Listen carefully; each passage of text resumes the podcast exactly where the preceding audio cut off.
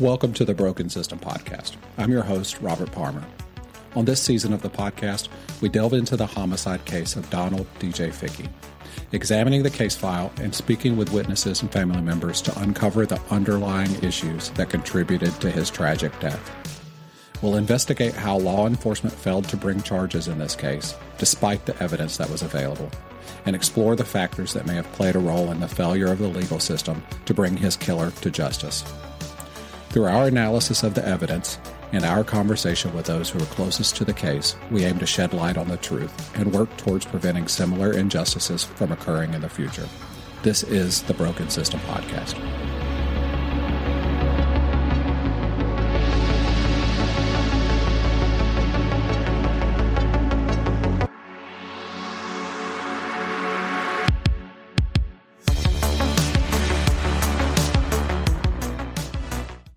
Welcome, everybody, to the Broken System Podcast. I'm your host, Robert Palmer.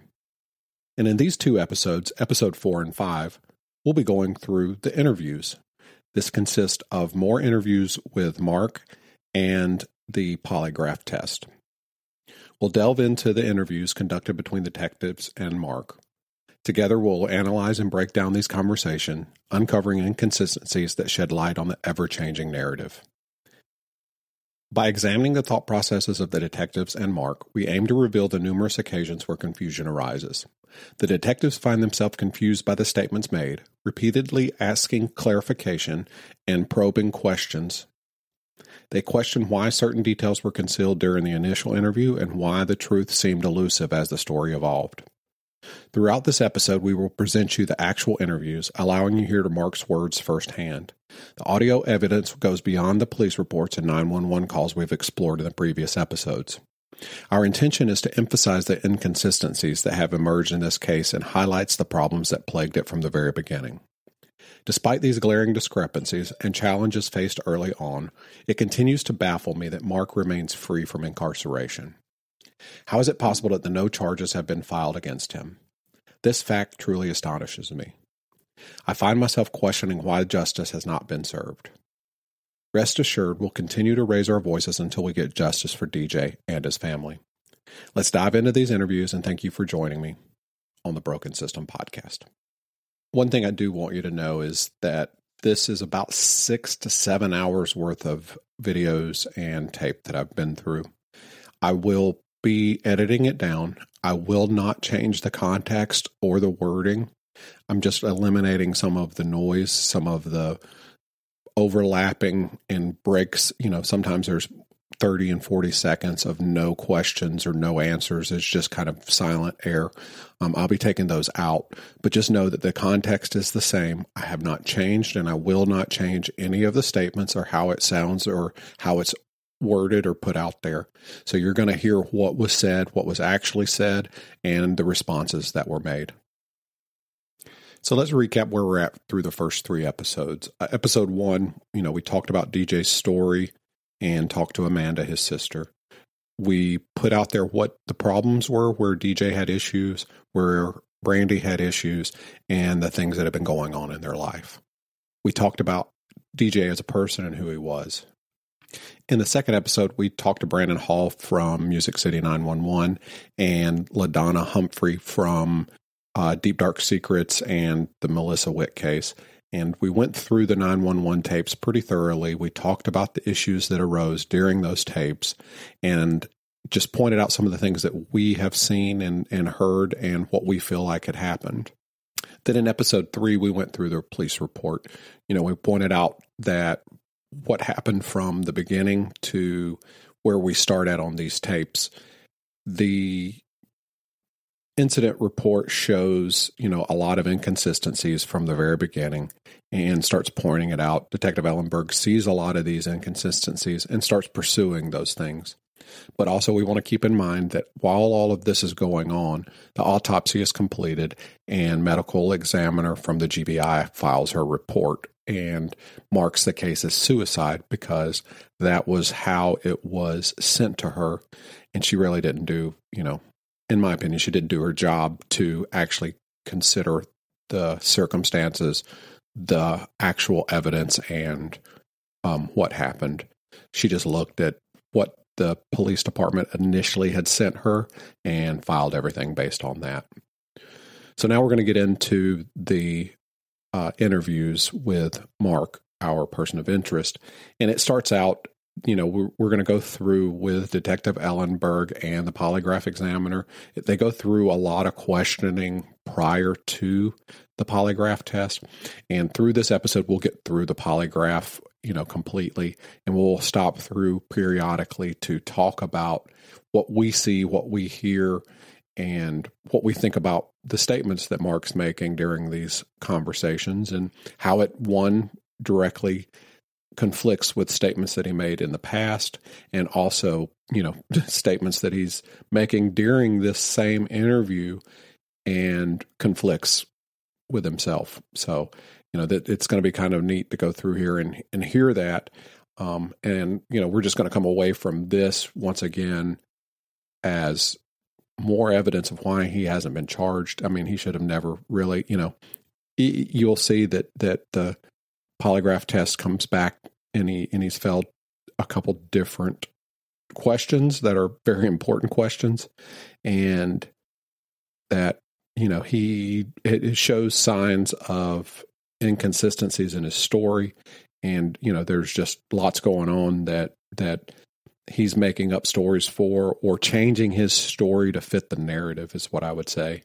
And um and it even shows where they've probably talked back and forth with other people that were on scene to get their stories straight and kind of finish the conversations to where, you know, when the police talk to them that they, you know, know what's going on and and it sounds like it's all one consistent story, but they're smarter than that. The police see that, they see through that and they're moving forward. So we're going to start at the beginning of the interview and just kind of go through it and let you guys hear what's going on, and I'll chime in as I see fit.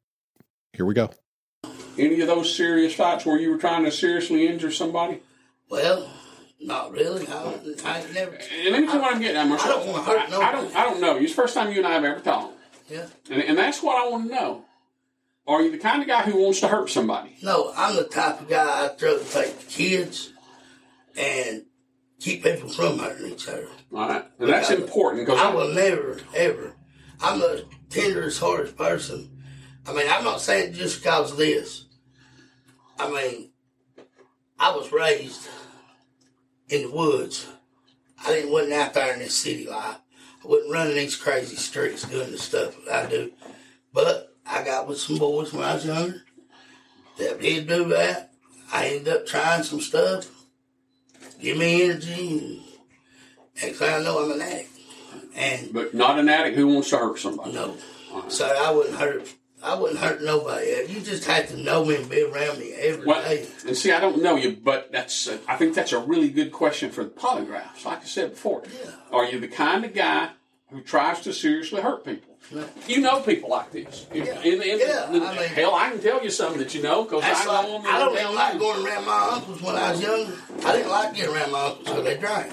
And when they got drunk, they liked to fight and cut and beat. I'm like, shit, hell with that. I don't want no part of it. I go there in the house, stay in my bedroom. Who gave you your polygraph when you had one before about the motorcycles? I don't know, it may have been you. Wasn't me. It was a white guy that done it. He done it.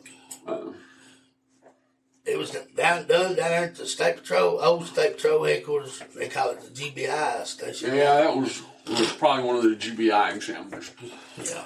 Well, this test is going to be uh, very similar to that one. Let's talk just a little bit about polygraph. I'm going to explain a couple of things to you. Since you've already had a test, I don't have to explain much, but I always like to tell people what I'm going to do about how I'm going to measure stuff. Yeah, because he told me he was the only one around that was given the polygraph test. Well, there's only a handful of us. Yeah, Uh, there's, I know he said he was the only one. That's why it took so long to get there to get it done.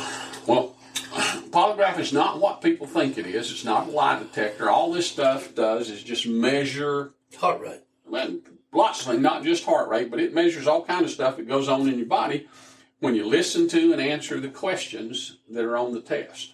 Yeah. And in a minute, we're going to go over those questions. But right now, we're just going to talk about polygraph. What it measures is how your body reacts when you're thinking about the question and thinking about the answer and when you're actually answering that question. Go ahead. Sorry.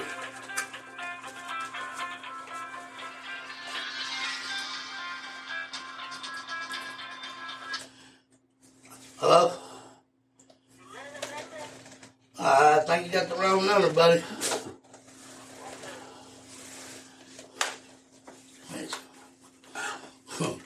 What happens, the, the body's just an amazing piece of equipment. All the time, every minute of every day, your body's doing all kinds of little things to change to make you just do the best you can in whatever situation that you're in. I uh, wore my body out. I mean, you both. But if you think about something as simple as when you're driving down the road, somebody pulls out in front of you and you have to slam on your brakes or, or you actually have an accident, before you ever have that wreck, the minute you think it might happen, your body starts to react. Very first thing you do is you grip the wheel tighter, and you gasp in some air. That's because your body knows instinctively that, that you're going to need that fresh, oxygenated blood to, to survive the accident if it happens, or to have the best motor and, and mental control to avoid it. So you suck in that extra air. In response to that, your heart beats harder and faster. Your hands get a little clammy and wet. The reason that happens, dry hands don't grip really good. I put just a little moisture on my fingers, helps me grip Yeah. a whole lot better. Your body's just automatically taking care of you.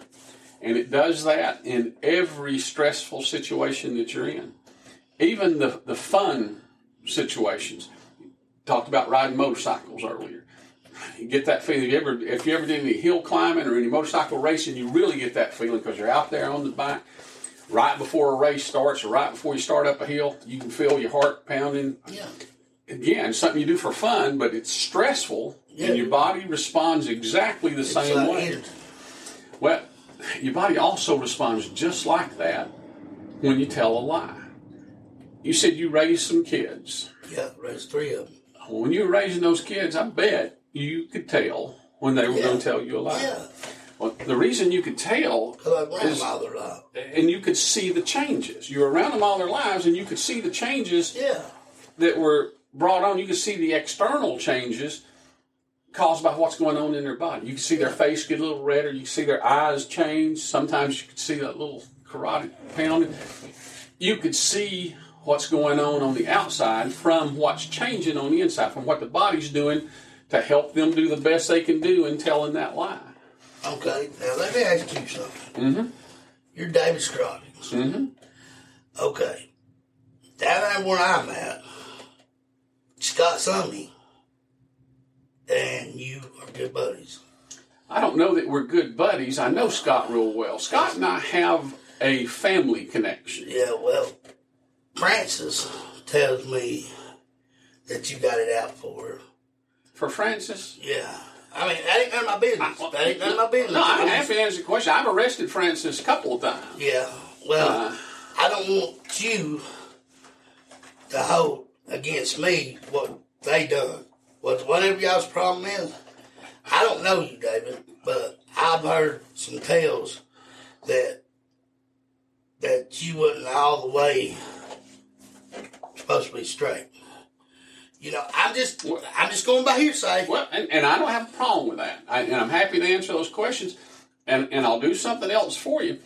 If you'd rather somebody else give you this test, somebody that No, don't know don't any of these you. players, well, Because I don't know you.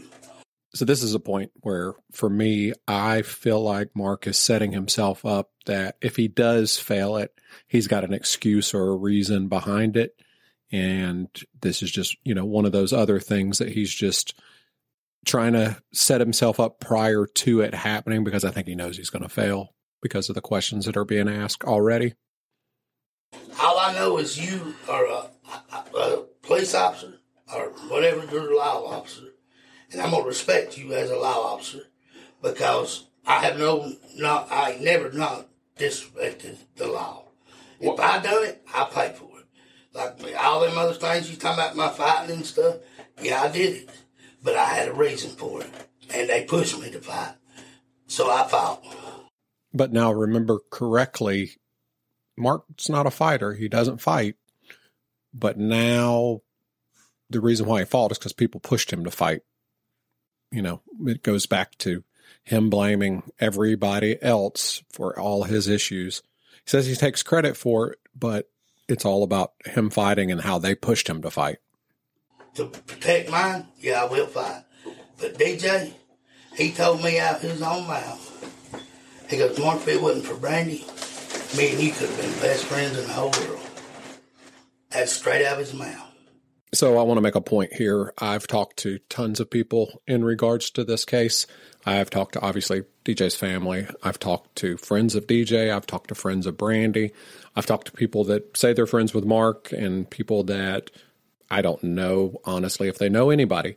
But I've talked to lots of people and, and the sentiment that was told to me and, and has been just echoed over and over and over again. DJ did not like Mark. They would have never sat and had friendly conversations like this. Mark didn't like DJ. He would have never sat and had friendly conversations like this with DJ. It was all, you know, embedded in the drugs and Brandy is pretty much what it was all wrapped around. So, you know, when Mark continues to say that, you know, DJ told him they could be best friends, that's absolutely not the truth. Let's take a quick break. Have you ever wondered what's at the root of homelessness? I used to try to describe it to my husband that um, I said, I feel like I'm in this big spider web and I'm stuck in there. And how wraparound approaches at missions aim to make a difference? It's the things like that, the people who communicated that in spite of my rough edges, that they authentically cared about me. On the Restorers podcast, we'll talk to experts, investigate current issues, share stories, and give you an inside look at how we at Water Street Mission tackle issues related to homelessness and poverty every single day. Join us by searching Restorers wherever you find your podcasts. The night that we got into the fight, the little scuffle in the yard, he said, I believe if you and me would have got to know each other, we could have been best friends, just like brothers. Well, And I believe that with everything in me right now because everything she's doing to me, sending me this junk on Facebook, how I killed her uh, old man and took her kid's daddy, and I did not do that. well, I would have never done that. Let, let's address this issue with, with Scott because I'm just going to tell you, Marshall, if it concerns you at all, I'd rather somebody else do the test because I, I want you to be absolutely comfortable. I don't want to say that you passed or that you failed. If you're going to think it's because of anything other than, No, I than think you you're passed gonna be professional. I think you're gonna do Well, your job. let, let me tell you how I know Scott. I mean, okay? I know how people are, how Well, people talk. Let, let me tell you how I know Scott. I arrested him Okay. many years ago, receiving stolen property. Uh, after I arrested him, my wife and I are foster parents. We have adopted several kids from the state. Okay. Uh, after I arrested Scott, I got, I, I had already taken a little boy who was about three months old when we got him. We took him into to foster care. And about nine months later, his mama had another little baby. And I took that other little baby. Well, that other little baby turns out to be Scott's child. Didn't know it at the time, didn't have any idea. Mama's a crack hoe, had several babies by several different daddies. Yes. Wound up in prison. You probably know who I'm talking about. Um, when everything went to court and it comes out that the baby belongs to Scott, Scott stepped up, did the right thing. My child, I'll support him. I'll take care of him. If that's my child, I want to do what I'm supposed to do. He got a DNA what a man's test supposed to do. and he's got the kid. Well, I got his brother, different daddy, not Scott's child. This child belonged to somebody else, uh, and uh, um, I had had Scott's boy the first three years of his life. I brought him home from the hospital when he was born, and we had had him till he was almost three years old. He still comes to my house every week. They're, they're brothers. They they are, are good friends. That's how I know Scott, uh, and that's all there is to me and Scott. But uh, I know Francis because I have arrested Eddie several Yeah. times. You got her out of jail or something. I, I helped Francis out more than once, and I told her I'll do this. You go back to dope. I'm throwing your ass back to the the wolves. I ain't going going to help you, but one time. Um, and uh, I'm thinking I probably helped Francis cause Scott asked me to, but um, Francis has got a bad, bad, Yes. bad drug problem. Yes, she does. She's going to be back in prison again for long. I, she's she is destined to spend her life in prison. Yes. But Alan and I both don't have a problem in the world. It, it is nothing but a phone call for me to get somebody else to do this test. Well, no, it ain't that. I just wanted to see where you stood on that because I don't like to be jammed up, you know, like you holding something against me, something. Like, I'm a whole different person. If you go over there at the old man's way it used to be and the way it is now, it's two different stories. Hero Mark comes to save the day again. Them kids, when they get it, somebody gets out of the car, they don't cuss you. They ask if they want something. They don't tell you you do it. They ask. Because I've been working with them kids, and I've been working with a few more things over there, trying to help out. And I'm not there to to hurt nobody. I, I got addiction, and I hate it more than anything in the world. well, I've never been over here. Uh, That's a beautiful place. well, I can tell you that the last two places the old man lived ain't been a fit place for kids to live. That's exactly Okay. right. Exactly right. Well, see, over there, it is because I changed it. I mean, I've heard this so much. I'm almost thinking that he actually believes that he is the, you know, the one and only, the person that can change anything and help anybody. I went in and told the old man, old man said, I'll back you 100 if you can beat it. I went in and told him, I said, look, you, you, and you, what you fighting? Because you're going to fight, leave. Because these kids ain't to watch this. Because that's where they get their dirty mouth. It's from y'all fighting, calling each other whores, sluts. I said, I don't want to hear that shit. And I went right in there Charles, little Charles, told him, I said, look, you and Francis can't get along, then you got to go. I mean, that's just the way it is, son. I mean, your daddy's giving you a place to live. He's raised your kid. I mean, what more can he do for you? And Frances does not have her kids back. I said, and Francis, I mean, I know that's what done. I said, you ain't even tried to get yours. You ain't tried to get in contact with him. I said, Eddie gets out jail. You're calling Eddie. You know, now she's calling Eddie, trying to get Eddie back. Eddie don't want nothing to do with her. That's their problems, not mine. But I am not. No murder. I would not hurt nobody. I want to help. I do not want to hurt.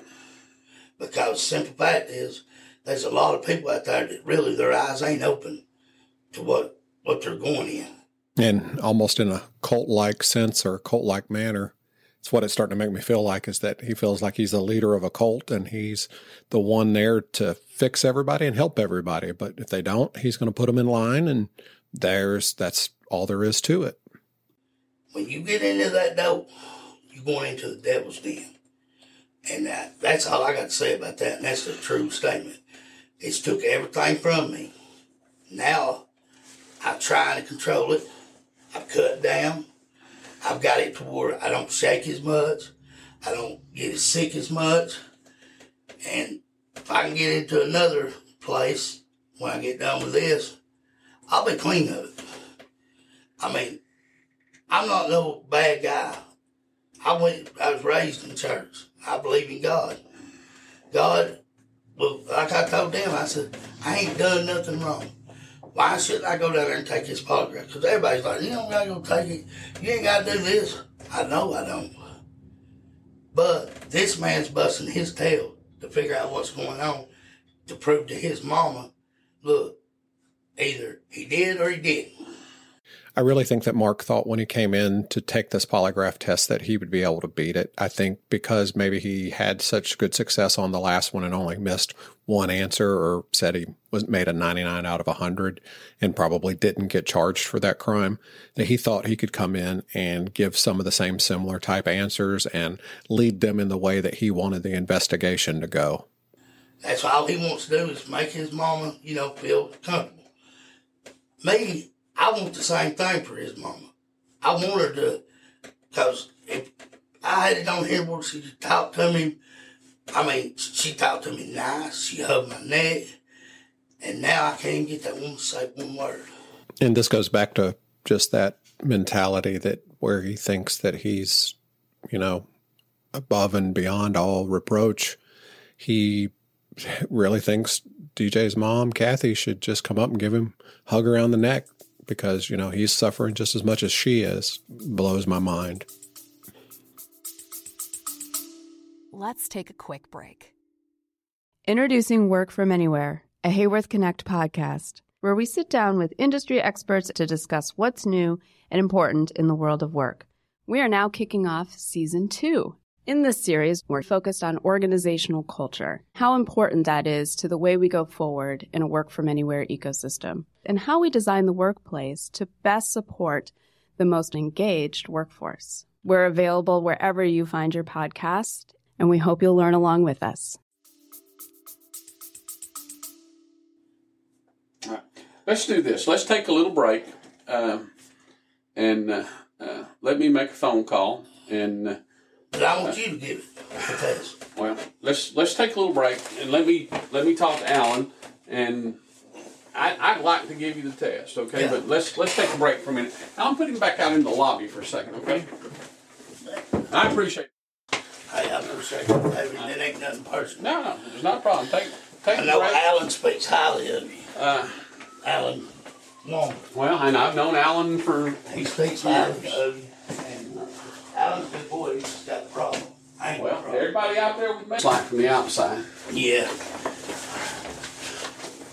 I just wanted to reach out and talk to the district attorney for a minute uh, to make sure she was okay since you had some issues uh, with me continuing to give you this exam. I'm going to explain something to you, and, and, and again, I've told you, will not offend me if you want somebody else to do this. Will not offend Alan.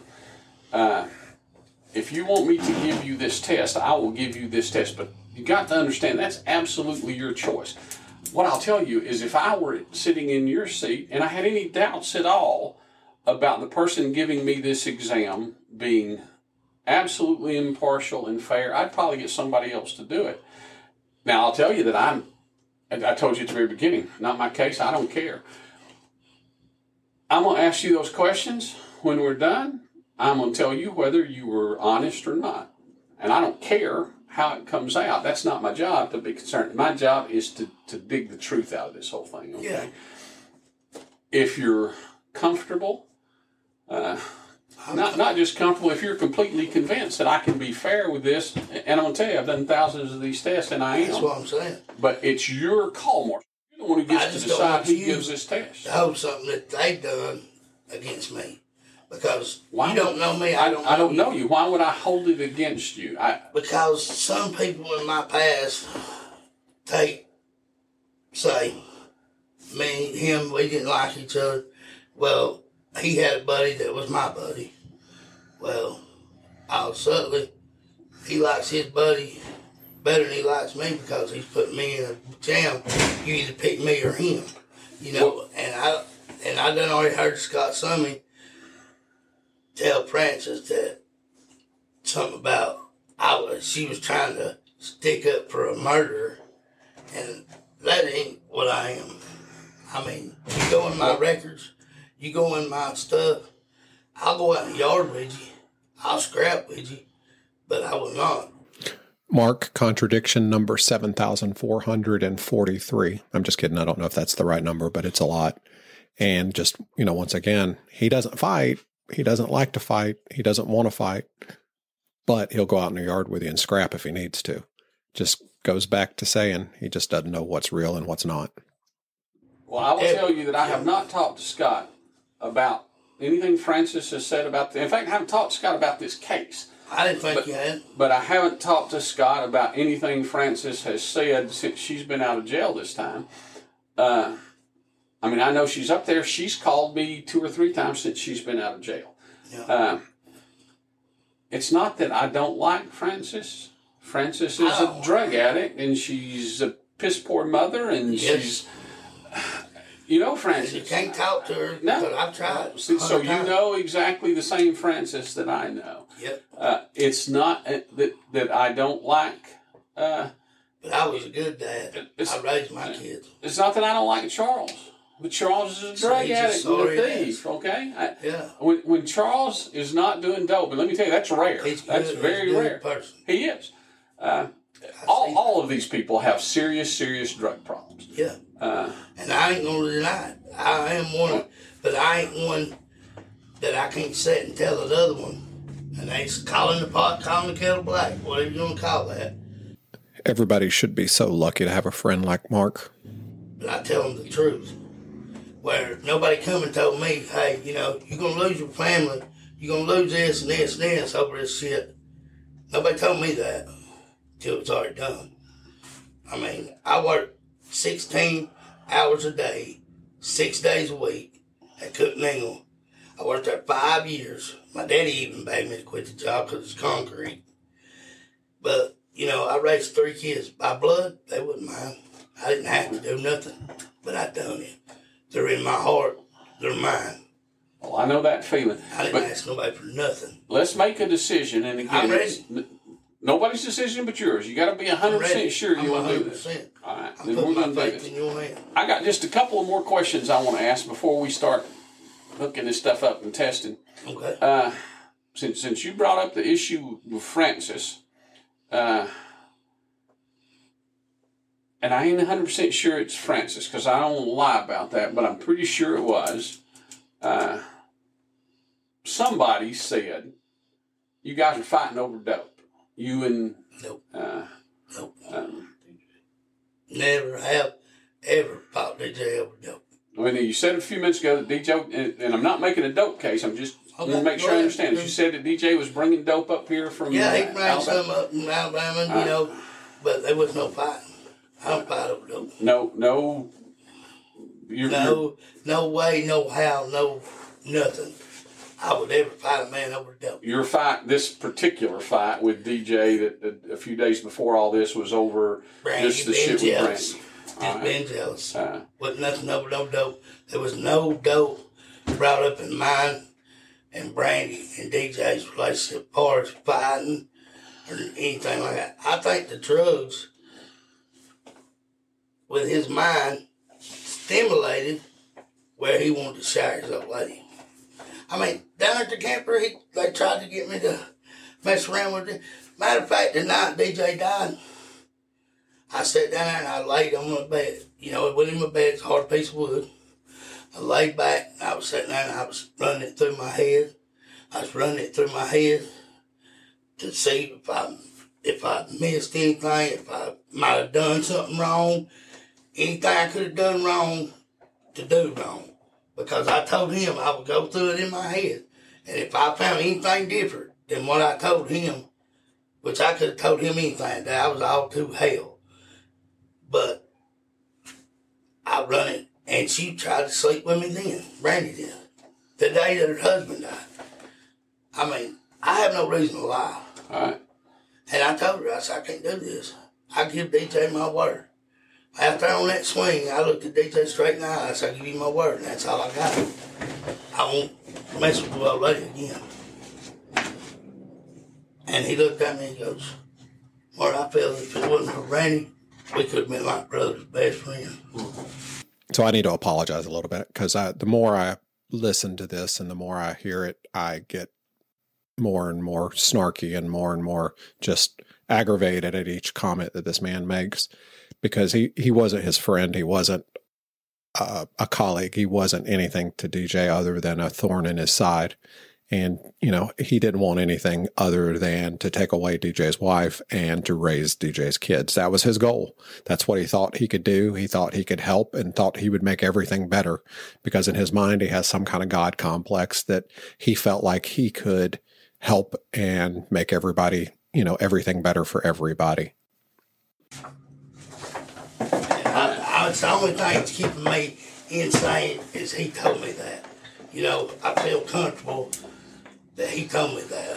They give me that little bit before all this bull happened. Well, if you're sure you want me to do this, I will do it for you.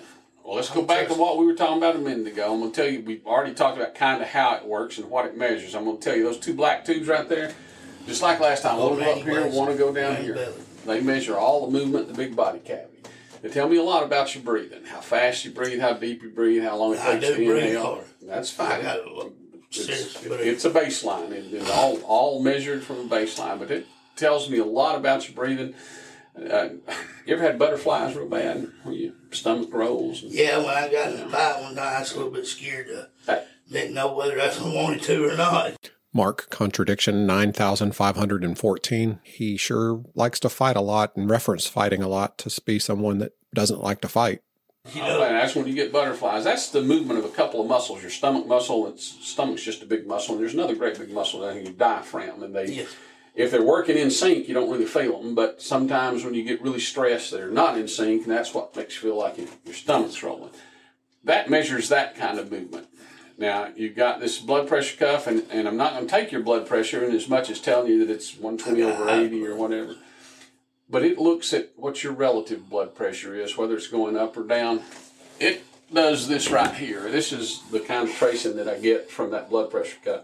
Each of these strokes is a heartbeat, and it tells me how hard your heart's beating, how fast your heart's beating, lots of stuff about your circulatory system. Okay? yeah. There's two little metal plates back there. Put one on this finger, one on this finger. They measure something called electrodermal response. That's how well your body conducts electricity. Everything you do, every movement you make, uh, something as simple as batting your eyes is based on electrical impulses. Well, when your stress level changes, your body automatically gets better at conducting electricity, and that's what that measures. Last thing is this little pad right here. You're going to sit on it. It measures how much you bounce, bump, wiggle. I can already tell you're not to have a problem with that because I've been watching you since we've been talking. You, you're not real jittery. I tell you, I was a little concerned that you'd come in here wired, and boy, when that happens, I haven't had it happen before. Hard as hell to test somebody who's cranked up. I didn't want to do nothing like that. I know I'm at it, and I have been sweating it, but I didn't want to do that because this man here got a job to do, and I don't want to hold Well, him up. you're, you're where I need you to be as an addict. You are not crashing because you, you're not falling asleep, and I know how that is. And you're not bouncing, so you're somewhere in that middle, which is where you need to be to, to take the test. Um, so I don't think we'll have any issues there. What I'm going to do is I'm going to hook all these things up to you, and I'm going to ask you some questions. I'm going to ask you a couple of very specific questions, and we're going to go over them in just a minute.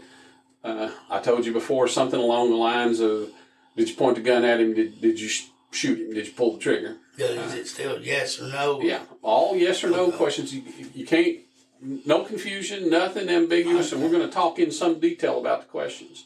And then I'm going to ask you those harder questions. Uh, for you, it's going to be an issue because of the fights and the scrapes you've been in. But you told me a few minutes ago that that you uh, were the gentlest person in the world. You wouldn't really want to hurt nobody. So we're going to tailor those questions for being the kind of person who would deliberately do something to not just hurt somebody, but to kill somebody. You never tried to kill anybody, did you? Never. Uh, right. Those kind of questions. We'll go over the questions in a minute. But when I hook all this stuff up and I ask the questions, every question I ask you uh, makes a little bump, just like on these charts, just like these bumps right here. And I expect them all to look pretty much the same. I say, Are the lights on in this room? And you say, Yes. Makes a bump. Okay. Did you point that gun at DJ? Makes a bump. Uh, have you ever tried to kill somebody before? You ever tried to seriously hurt a friend or a relative? Makes a bump. I need them all to look about the same. Yes. That's how I know if the lights are on and that's the truth, then they all need to look like that. Okay. Yes. So What if I tell you, you, yeah, and they're on, and it says I'm alive? well, it won't. Because I know that's the Uh, truth. You know, Because that's what the truth looks like. I know, but I'm just saying. I mean, because the guy about the motorcycles, once again, he told me I had to pass it with 100. Sam West did. This is just another one of those times I feel like he's trying to set himself up for failing the polygraph, you know, putting things out there and asking questions this way so he can question it later on. Well, when he seen I failed that one question, he's like, "Oh yeah." What? Well, the examiner looked at him and said, "Now, Sam, you can't do that because the man seen the motorcycles in the back of the truck. Therefore, the question was, has he seen or known where the motorcycles were?" And I answered no. Bad question. I'm not going to ask you any bad questions. I'm just saying, you know, I Are, was are the lights on in this room? They either are or they are not. Yes, they are. So that's the truth. Okay. You and I both know that's Okay. the truth. I'll give you another example. What color is that ink pen? Red. All right. Uh, well, is it red or is it black or is it red and black or do I mean what color does it write? That that's a bad question. Okay. But if I do this right here, and I say, Marshall, what color does that ink pen write? Black. Absolutely positive. That's the truth. Yeah. I have to make sure I word all the questions so that it's that true. And we'll go over them in that much detail in a couple of minutes. Because I'm just telling you, I can't afford a lawyer, and I'm depending on this man to put me to where I need to be. And I told you if you want one, the state will help you get one. Don't say I don't want one because I can't afford one. I don't want a lawyer because I don't need one. I didn't do nothing wrong. And, and that's that's the right answer. Not that I can't afford one. If you want one, we'll help you get one. Okay. No, I, I think I need. I don't need nothing. I like how Mark slips in here about the lawyer again, and the detective does a really good job with asking, you know, letting him know that he he can have a lawyer if he needs one. That they'll supply him with one. They can get him one, and they'll do all that. So, but I, you know, I think Mark's still trying to set up a little narrative. Any questions about how any of this stuff works? No. Let's talk about the questions I want to. I got two questions that I know what the answers are. I won't go over these questions, what I think are the easiest to the hardest. The question that you asked just a minute ago, how do I know it's the truth? So I'm not going to ask bad questions. And the two questions that I know are the truth are the lights on in this room and are you sitting down? Now you're going to be sitting in this chair. I'm going to move this chair over here for you because it's real important that you be still. Easier to be still in that chair, but you'll be sitting down. Okay. So those are the two questions that I compare everything else to. I'm going to ask you two very simple questions that I'm going to explain to Helen back to make sure you and I agree on the meaning of the questions. You told me earlier that you were a hunter.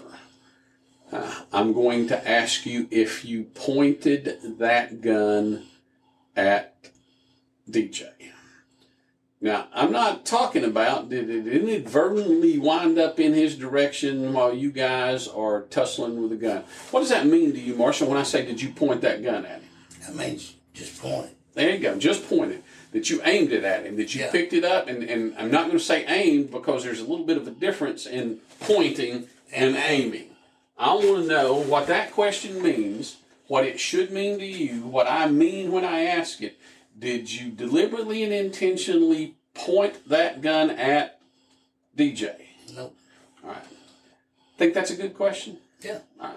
That's I mean, as long as it don't mess up where me and him No. fighting. Well, and I'm just and I'm telling you right now. it away Did- from him. When I say, did you point it deliberately it'd and be me intentionally? pointing. Yes. Okay. Yes. I understand. Uh, if you and I are tussling over it and it winds up over here and it winds back up over here, that That ain't me ain't me. pointing the gun. Yes. But, all right.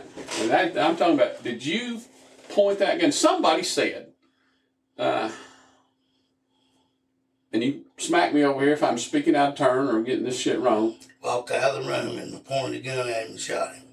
So it kind of, you know, catches me off guard at this point because Mark knows that that statement was made. He obviously has talked to people about that statement being made. And that's why he's trying to get ahead of all of this because he knows someone told the police that he came around the corner and pointed the gun at DJ. If somebody said that you told him you was going to shoot him, you pointed the gun at him and said, I'll blow your fucking head off. That didn't happen. Well, and, and you know how this shit gets squared around. But Why would you uh, if you're friends and you ain't got no Yeah, reason? he wouldn't, and and that's why why I didn't even bring it up now. But but that's why it's a good question. Did Yeah. you point out? I mean, I know everything All right, pretty much. and then I'm going to ask, did you shoot DJ? And by that question, I'm not talking about in an inadvertent, to, to use your words, To use Mark's words, a freak accident. Remember that because the narrative up until this point has always been Mark said it was a suicide. So now it's a freak accident. And they understand that and they know that and they're repeating what he said. freak accident. If it's a freak accident, you didn't shoot him, did you? No. If it's a freak accident, anything could have happened to cause that gun to go off. And, and, and using your words again, his hand may have just flipped the hammer, not quite locked it back. On that particular kind of gun, it's going to go bang. Yeah, or my Or, or your bracelet could have caught it. When I say did you shoot him, I'm talking about did you deliberately and intentionally Cock it. pull that trigger? No, sir. All right. All right. I think that clears up that issue. Yes, sir. But I think equally important, maybe even more important, is what we talked about before about whether or not you would do that. Uh, Never. you told me before uh, that that you didn't try to hurt anybody, uh, not seriously hurt anybody. So I'm going to ask you between the ages of 17 and 40. And the reason I picked those ages because in the state of Georgia, when you turn 17, you are considered to be an adult and responsible for your actions. Yes. And 40, because that's well before this shit with you and DJ. Between the ages of 17 and 40, did you ever try to cause serious harm or injury to anybody? No. Right. And by serious, you know what I mean. I'm talking about something I where was charged with pulling a knife on a man in Walmart parking lot. They was sitting there smoking crack. And once again, here's another story involving a weapon. And I'm going to let you guess is it going to be his fault or is it going to be somebody else's fault? And they took me to jail. I spent almost a year in jail waiting on trial. And when I went to court, my lawyer, it was, what do they call it? Acquitted? Is that what it's called? They acquit you of all charges? Yeah. Well, that's what happened. So I lost everything I had. But you pulled a knife, but you didn't cut him. No. You, you, you, self defense, you weren't trying to seriously harm this I was guy. just letting him know I had my son with me. Yeah. And he was pointing a gun. I said, look, man, don't do that. I said, I'm going in Walmart. All it was a bunch of cat calling. You know, he was whistling my girlfriend. I, I was glad he was whistling, but when you start calling her name, no more and shit like that because she's ignoring you, then I'm going to say something. And I asked him not to do that. I was going on into Walmart, and he said, you take another step, I'll put a cap in you. But where I was raised, you respect a woman. You don't take a woman that's walking up there with her kids and start calling her But- black cunt whore and da da da da. What would you do? But big difference between pulling a knife and threatening and serious. Been, been different if you'd went and cut. I never even let you know. I just let him know that I had something to protect myself. I said, but if you reach down and get that gun, I'm gonna have to do what I gotta do now. I mean, and I don't want to have to do it. I said, I got my son right here. And again- he would, he would I nowhere to go. Said that because you didn't run. want to hurt. I'm in a parking lot. So between the ages of 17 and 20, you never tried to seriously harm anybody. All right. Uh, I've carried more scars trying to avoid a fight in the back of my head than I have anything. I got bottles busted up on my head. what's the worst you've ever hurt anybody in a fight? Man, worst I ever heard man just Yeah. fighting. Maybe bust her nose. Nothing life threatening. No, No, no broken bones. no. But conveniently leaves out the part where he hit DJ with a golf club. I think that's kind of an important fight and, you know, a use of a weapon. These are just little things that I notice. If there's a broken bone, there was something slipped and fell or something like that. But it wasn't done by me. We got in a fight, but I didn't hurt them. They actually slipped and fell after the fight. They slipped in the blood from where I busted their nose and they broke their arm or their leg or whatever. That's what I hear right here. I don't pick up axe handles or stuff like that and beat people with them. Just golf clubs. That doesn't count, I guess, though. I mean, if we got a problem, we got to work it out. Let's go out there and put our fist up, get it over with. I don't even like to do that. Because you know who wins in the end? Neither one of you.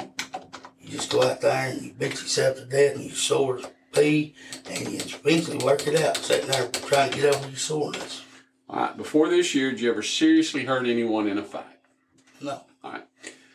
And this might be the hardest question uh, on the test. Might might be. It's, it's one that I'm concerned about. Seems to me from talking to you like you do a pretty decent job of managing your temper. Yeah. You don't lose control. No. Sir. Some of the stuff about this, from what other people have said, was it was just uh, a, an out of control anger kind of thing. That's not you. All right. Before 2016, Did you ever try to harm anyone out of anger? Because you were just so mad and out of control you couldn't do anything else. No, but I did have uh, a little complication with Brandy. Oh, so the plot thickens. I think that after you hear this, you'll understand why him and DJ got into the fight the same day. I went down in my camper and I was taking and putting, getting my clothes and stuff, getting ready to go up and take a shower, whatever. Well, Brandy throws a, I don't know if you ever seen one of the books that's got a recorder on it, you mash the button, it's Mickey Mouse. Yeah. Well, that's the, the kids that come down there, the ones I was talking about. They come down there and I had these books for them where I sit down and read with them, color with them, stuff like that. Where other people don't, you know, because they got other problems on their hands. I'll take a little time out myself to spend with the kids. You know, you do that and stuff will change. So, me and Brandy sitting there and her and DJ had been messing around on my bed. I mean, they had one in the living room, you know. Don't go on my bed and disrespect me. And I her, I said, you know, that was wrong, Randy. You, bring him out here and do that. I mean, you could have told me, it'd been more than welcome. I wouldn't have had to come down here and walk in on this stuff.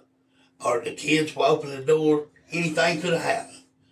And she thought a button hit me with it. And I turned around and said, look, don't put, put your hands on me no more. I said, I'm sick of it. You see a scar right here on my nose? Mm-hmm. That was over a can. And she took a damn can and hit me in the nose because I proved a point to her. She said, uh, well, they just said, she ain't got my back no more. I said, man, she got you back, dude. I said, I promise God she loves you with everything. All you got to do is this, this, and this. Get off the drugs and your shit be fixed, man. Your little family will go back together. And I had an empty Mountain Dew bottle, two liter. And you know, two liter bottle. I walked up and just popped you in the head with it. Is it gonna hurt you? Seriously? No. No. I I went and I took an empty Mountain Dew bottle and I beat me in the head with just to show him her reaction. He knew all about it. And she nails me with a can. I said, whoa, stop. DJ stops. I, I mean, and I looked at him dripping blood off the end of my nose. I said, does that prove to you she's got your back? She didn't try to attack you. She attacked me. I'm supposed to be her boyfriend. All right, DJ, now But what was when she did that, you didn't smack her. No. And that's what I'm talking about right here. No. That, that's what this question is. Did Now- you ever try to harm anyone Now that's what I'm because you getting were at. I'm getting, I'm getting at. You know, that's the first time. She'd hit me with a commode seat in the back. That was the first time. Then she hit me with a can. Well, the third time, when she thought that button hit me in the back of the neck right here, I looked at her and said, Do not put your hands on me, never again. I don't put my hands on you. Do not touch me. I said, Just go away. And she come attacking, and I just kind of shut her back on the bed. I was like, Get off me. And I was headed out the door, and I had a, a, a two box, drills, and everything right there on the edge of the bed where I just stacked it up while I was fixing my cabinet, where I put a shelf right here. And she sat there and flopped and beat her head, and she had knocked a dent in her head, free bleeder. Well, I seen blood. I went tripping out. I was like, what the hell is really going on? I said, let me check your head. And she's throwing her hands in there, flopping. You, you know what a mess. You know how people are when they're coming down. You know, they're flipping this and that, and then she's flopping. She pops the windows out of the camper with her head. I'm like, why in the hell are you doing this? I said, now your head's pouring blood. And I went, I like, DJ, get your fucking ass down here and help me with her. And he wouldn't come down there. I was like, God damn it, DJ. And I went up there and that's the first time me and him ever had a conflict. I said, man, that's bullshit. Well, he drills me right here in the head. I'm up on the steps. No big deal. It's bam, bam. I got him down. That's it. Done. Everybody, oh, he had a knife. He had this. No, there wasn't no knife. There wasn't nothing. DJ had a knife. I didn't have no knife. I mean, I'm protecting my pockets right now. Do not carry a knife. Once again, not his fault. And hey, he doesn't carry a knife. But wait, didn't a minute ago he said he was charged for pulling a knife on a guy at Walmart and he admitted to pulling a knife on the guy at Walmart? But he doesn't carry a knife, so I'm confused, I guess. Maybe he'll explain it later. And I'm sitting there, and I said, DJ, all I wanted you to do was go down there and check on her because she didn't want me to touch her because she beat her head up against the damn boxes and knocked a nick in her head and she's pouring blood. So he goes down and checks her. Comes out, everything's fine. Put a little band aid on. Well, she's telling everybody, oh, I slapped her and beat her up. And DJ said, man, I know you didn't do it. Well, let's see. I don't care what everybody else thinks. I care about what. But no, I did not. You know, I ain't got no reason to beat on her. I mean, I carry a scar here. I got it on my back where she threw the thing while I was asleep because she thought I ripped up a note that her daddy wrote her from prison. I was like, I don't know where that note come from. Here it again, was this, Charles. this question is I'm talking about losing your temper. And Oh, obviously, you I ain't got a temper. All right. I used to have a temper. I used to fight in a, in a drop of a hat. But you know what? I had three kids teach me the difference of that. All right. Those are the only questions on this test, except, except for one more. Uh, if I told you those are the questions, lights on, sitting down, uh, did did you shoot DJ? Did you point a gun at him? Ever try to seriously hurt anybody? Ever hurt anybody out of anger? Uh, if those are the only questions, have you answered them truthfully? Yes. Right, I'm going to ask one more question, and that's what it is. Do you intend to be truthful about this? And the way that question will be worded is regarding your reported involvement in the death of DJ Fickey. Do you intend to answer each question honestly? Yes, sir. You have any problem with any of these? No. Did I explain them so that you understand them all? Yes. You and I share the meaning of these questions. Yes. Were they well explained to you? So, any questions about anything before we start testing? No, sir. All right. You uh, need to go to the bathroom, take a break, because once I hook this stuff up, it's a pain in the butt to to get up. I mean, I just want to get this behind me. Well, go sit at the table out there. Give me two minutes. I got to switch some furniture around, and it's kind of crowded in here to do it people in. So really, from right here till they actually get everything hooked up, I, I've pretty much deleted. It's just a lot of tables moving around and a lot of just hooking up things. But there is one part that I wanted you guys to hear because once again, he brings up the lawyer again, and the detective does a really good job about saying, "Hey, you know, if you want a lawyer, you can get a lawyer. You're the only one that can choose that." So I want to make sure everybody hears that part again. All right, one more. But I can afford a husband now. Like, I tell you, we'll get you one if you want no, one. no, I don't think I need one. Yeah. And that's the only person who can make that decision is you. Sit back. I don't think I need one because I ain't do nothing wrong. Well, It was an accident. And as I said before, it's changed from suicide to accident. So that's where we are. You know, he's he's changed his mindset and has changed his thought process and how he's saying it now. He's saying as an accident every time now. I don't even think he meant to do it. It, and you know, accidents happen. I mean, they Yeah, just do. it hurts me to know I didn't get to his funeral.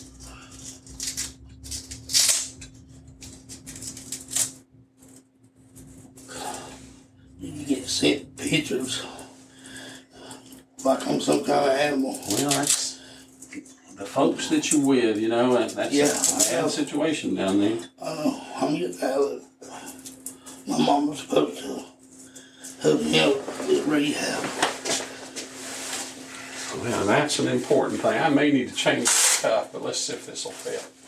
That stuff that's on you now is going to feel pretty much like that.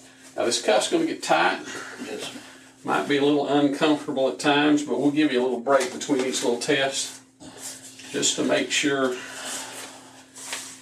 you get the blood flow back in there. You already know I'm gonna pass it. Till I can do nothing wrong. Let's turn this the other way. I think it'll be more comfortable. If you were, if you done something wrong, I can understand it. But when you don't do something wrong, you try to help. I let them at my home. You know what I mean?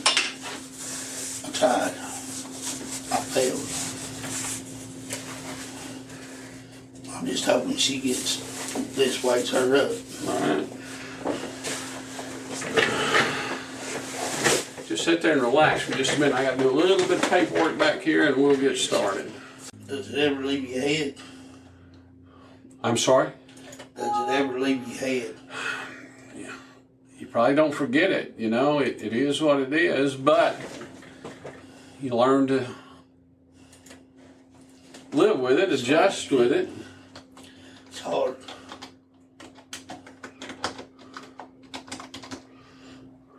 One of the hardest things I ever did in my life. He reminded me a lot of myself. He loved her to death. So I feel like right here, he's, you know, almost to the point that he feels like he's about to admit something. I mean, it, it sounds like, you know, as he's talking about it, how it won't leave his mind. And it's the hardest thing he ever had to do, things like that. I'm going to eliminate the portion of the video where he lines up and ask questions, the pre questions basically. It's the same questions he's going to ask as he gets into the test. He just goes over them a couple times. So I'm just going to get straight to the test. All right, Marshall, I'm about to put the instrument in operation, so I want you to put your feet flat on the floor, look straight ahead, and be real still for me. All right, Marshall, you're going to feel some pressure on that cuff. It's going to get real, real tight on your arm. I'm going to let most of that pressure off right away. That's about what it's going to feel like during the test. Please remain still. This portion of the test is about to begin. Regarding the bill under your hand, is it a 1? No, Is it a 5? no, Is it a 10? no, Is it a 20? no, Is it a 50? no, Is it a 100? This portion of the test is complete, but remain still for a moment while I take the instrument out of operation. Marshall, I'm going to let the pressure off that cuff. Just be still for just a second.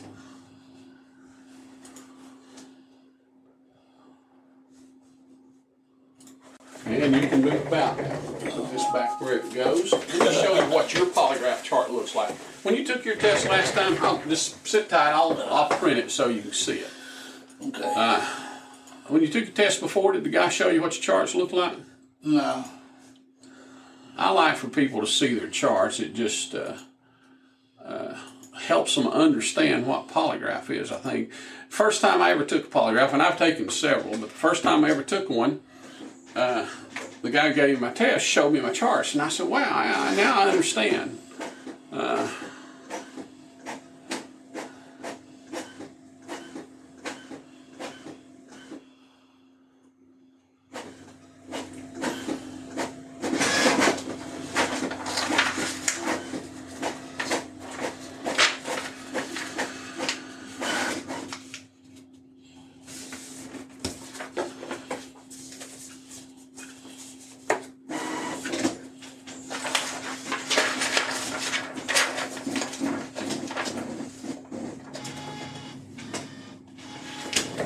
This is what your polygraph chart looks like.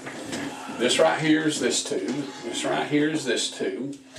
This is that thing that's on there. This is the cuff. And this little line right here is that pad that you're sitting on we talked about. Now, You forget pretty much all this other stuff, and we'll talk about some of it. But this is, is it a 5, a 10, a 20, a 50, a 100. Now, you can look across here. There ain't but one great big bump on that chart. Right there. See where that is? Yeah. See that right there? Yeah. That's where your breathing changed real dramatically on just on that question. See that? Those are the things I look for. What this shows me is that you respond just real normally. We're not having problem telling uh, whether that's telling truth.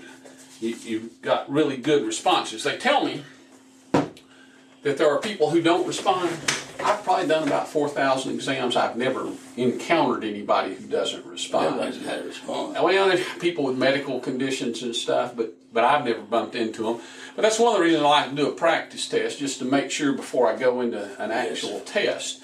Now we're about to do exactly the same thing. We're just going to substitute in those questions that you and I reviewed. Remember those questions? Yes. The only other difference is you knew what order these were going to be in Yeah.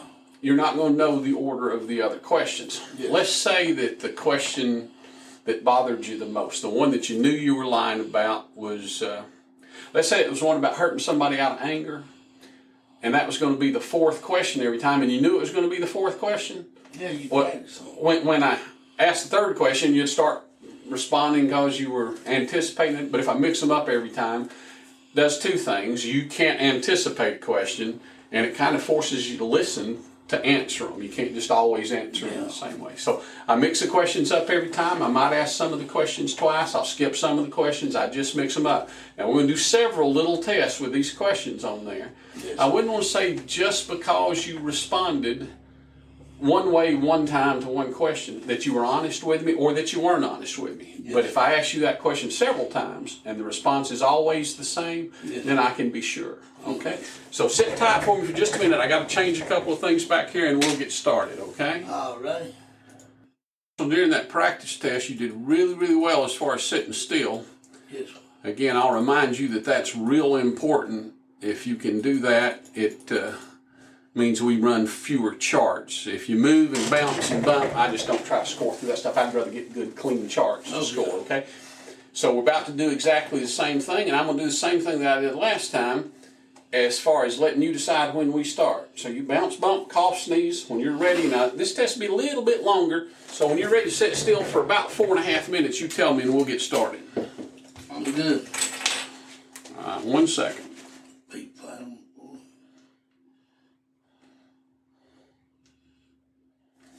All right, feet flat on the floor, look straight ahead. I'm about to return the instrument to operation.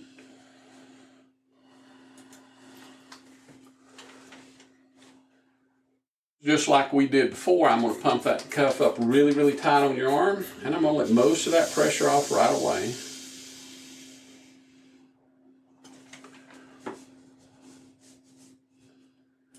This portion of the test is about to begin. Remain still. Are you sitting down? Yes. Regarding your reported involvement in the death of DJ Fickey, do you intend to answer each question honestly? Yes. Before this year, did you ever seriously hurt anyone in a fight? No. Did you point that gun at DJ? No. Other than what you told me about before 2016, did you ever try to harm anyone out of anger? No. Did you shoot DJ? No. Between the ages of 17 and 40, did you ever try to cause serious harm or injury to anyone?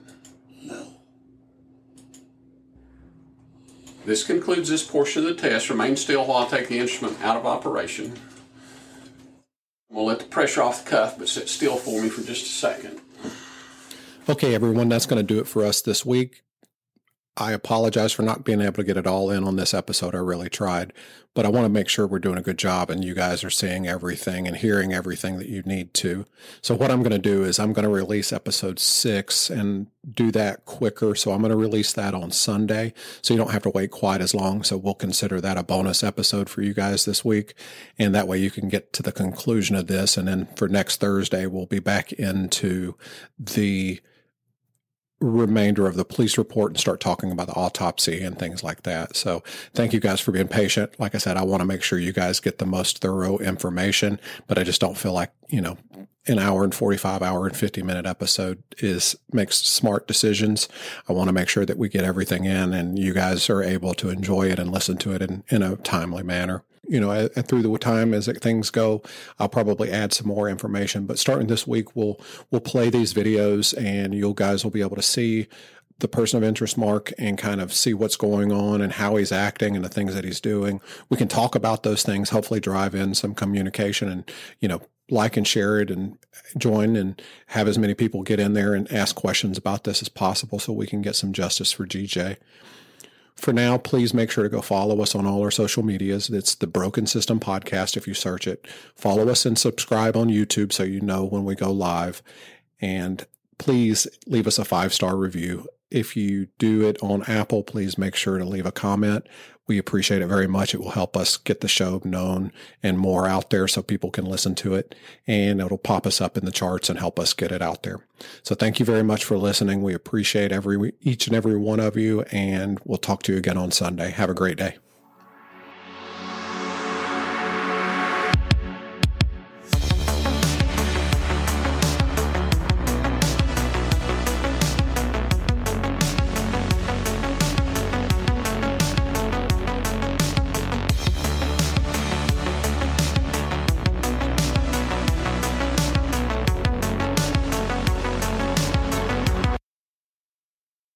And that's a wrap for today's episode of the Broken System Podcast. Don't forget to show your support by liking and sharing this episode with your friends and family. We also invite you to join us on Facebook and Instagram for more updates, behind the scenes content, and community discussions. Just search for the Broken System Podcast on both platforms and you'll find us. We encourage you to check out our show notes for this episode, where you can find links to our partners, a transcript of the episode, and information about the music you heard today. We want to make it easy for you to access all the resources we discuss on the show. And lastly, this episode was written, edited, and researched by Robert Palmer. Thanks again for tuning in, and we look forward to bringing you more thought provoking content on the next episode of the Broken System Podcast.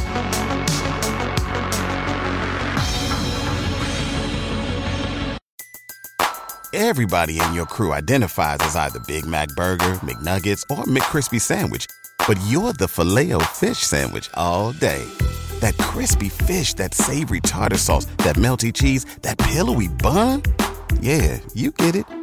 Every time. And if you love the Filet-O-Fish, right now you can catch two of the classics you love for just $6. Limited time only. Price and participation may vary. Cannot be combined with any other offer. Single item at regular price. Ba da ba ba ba.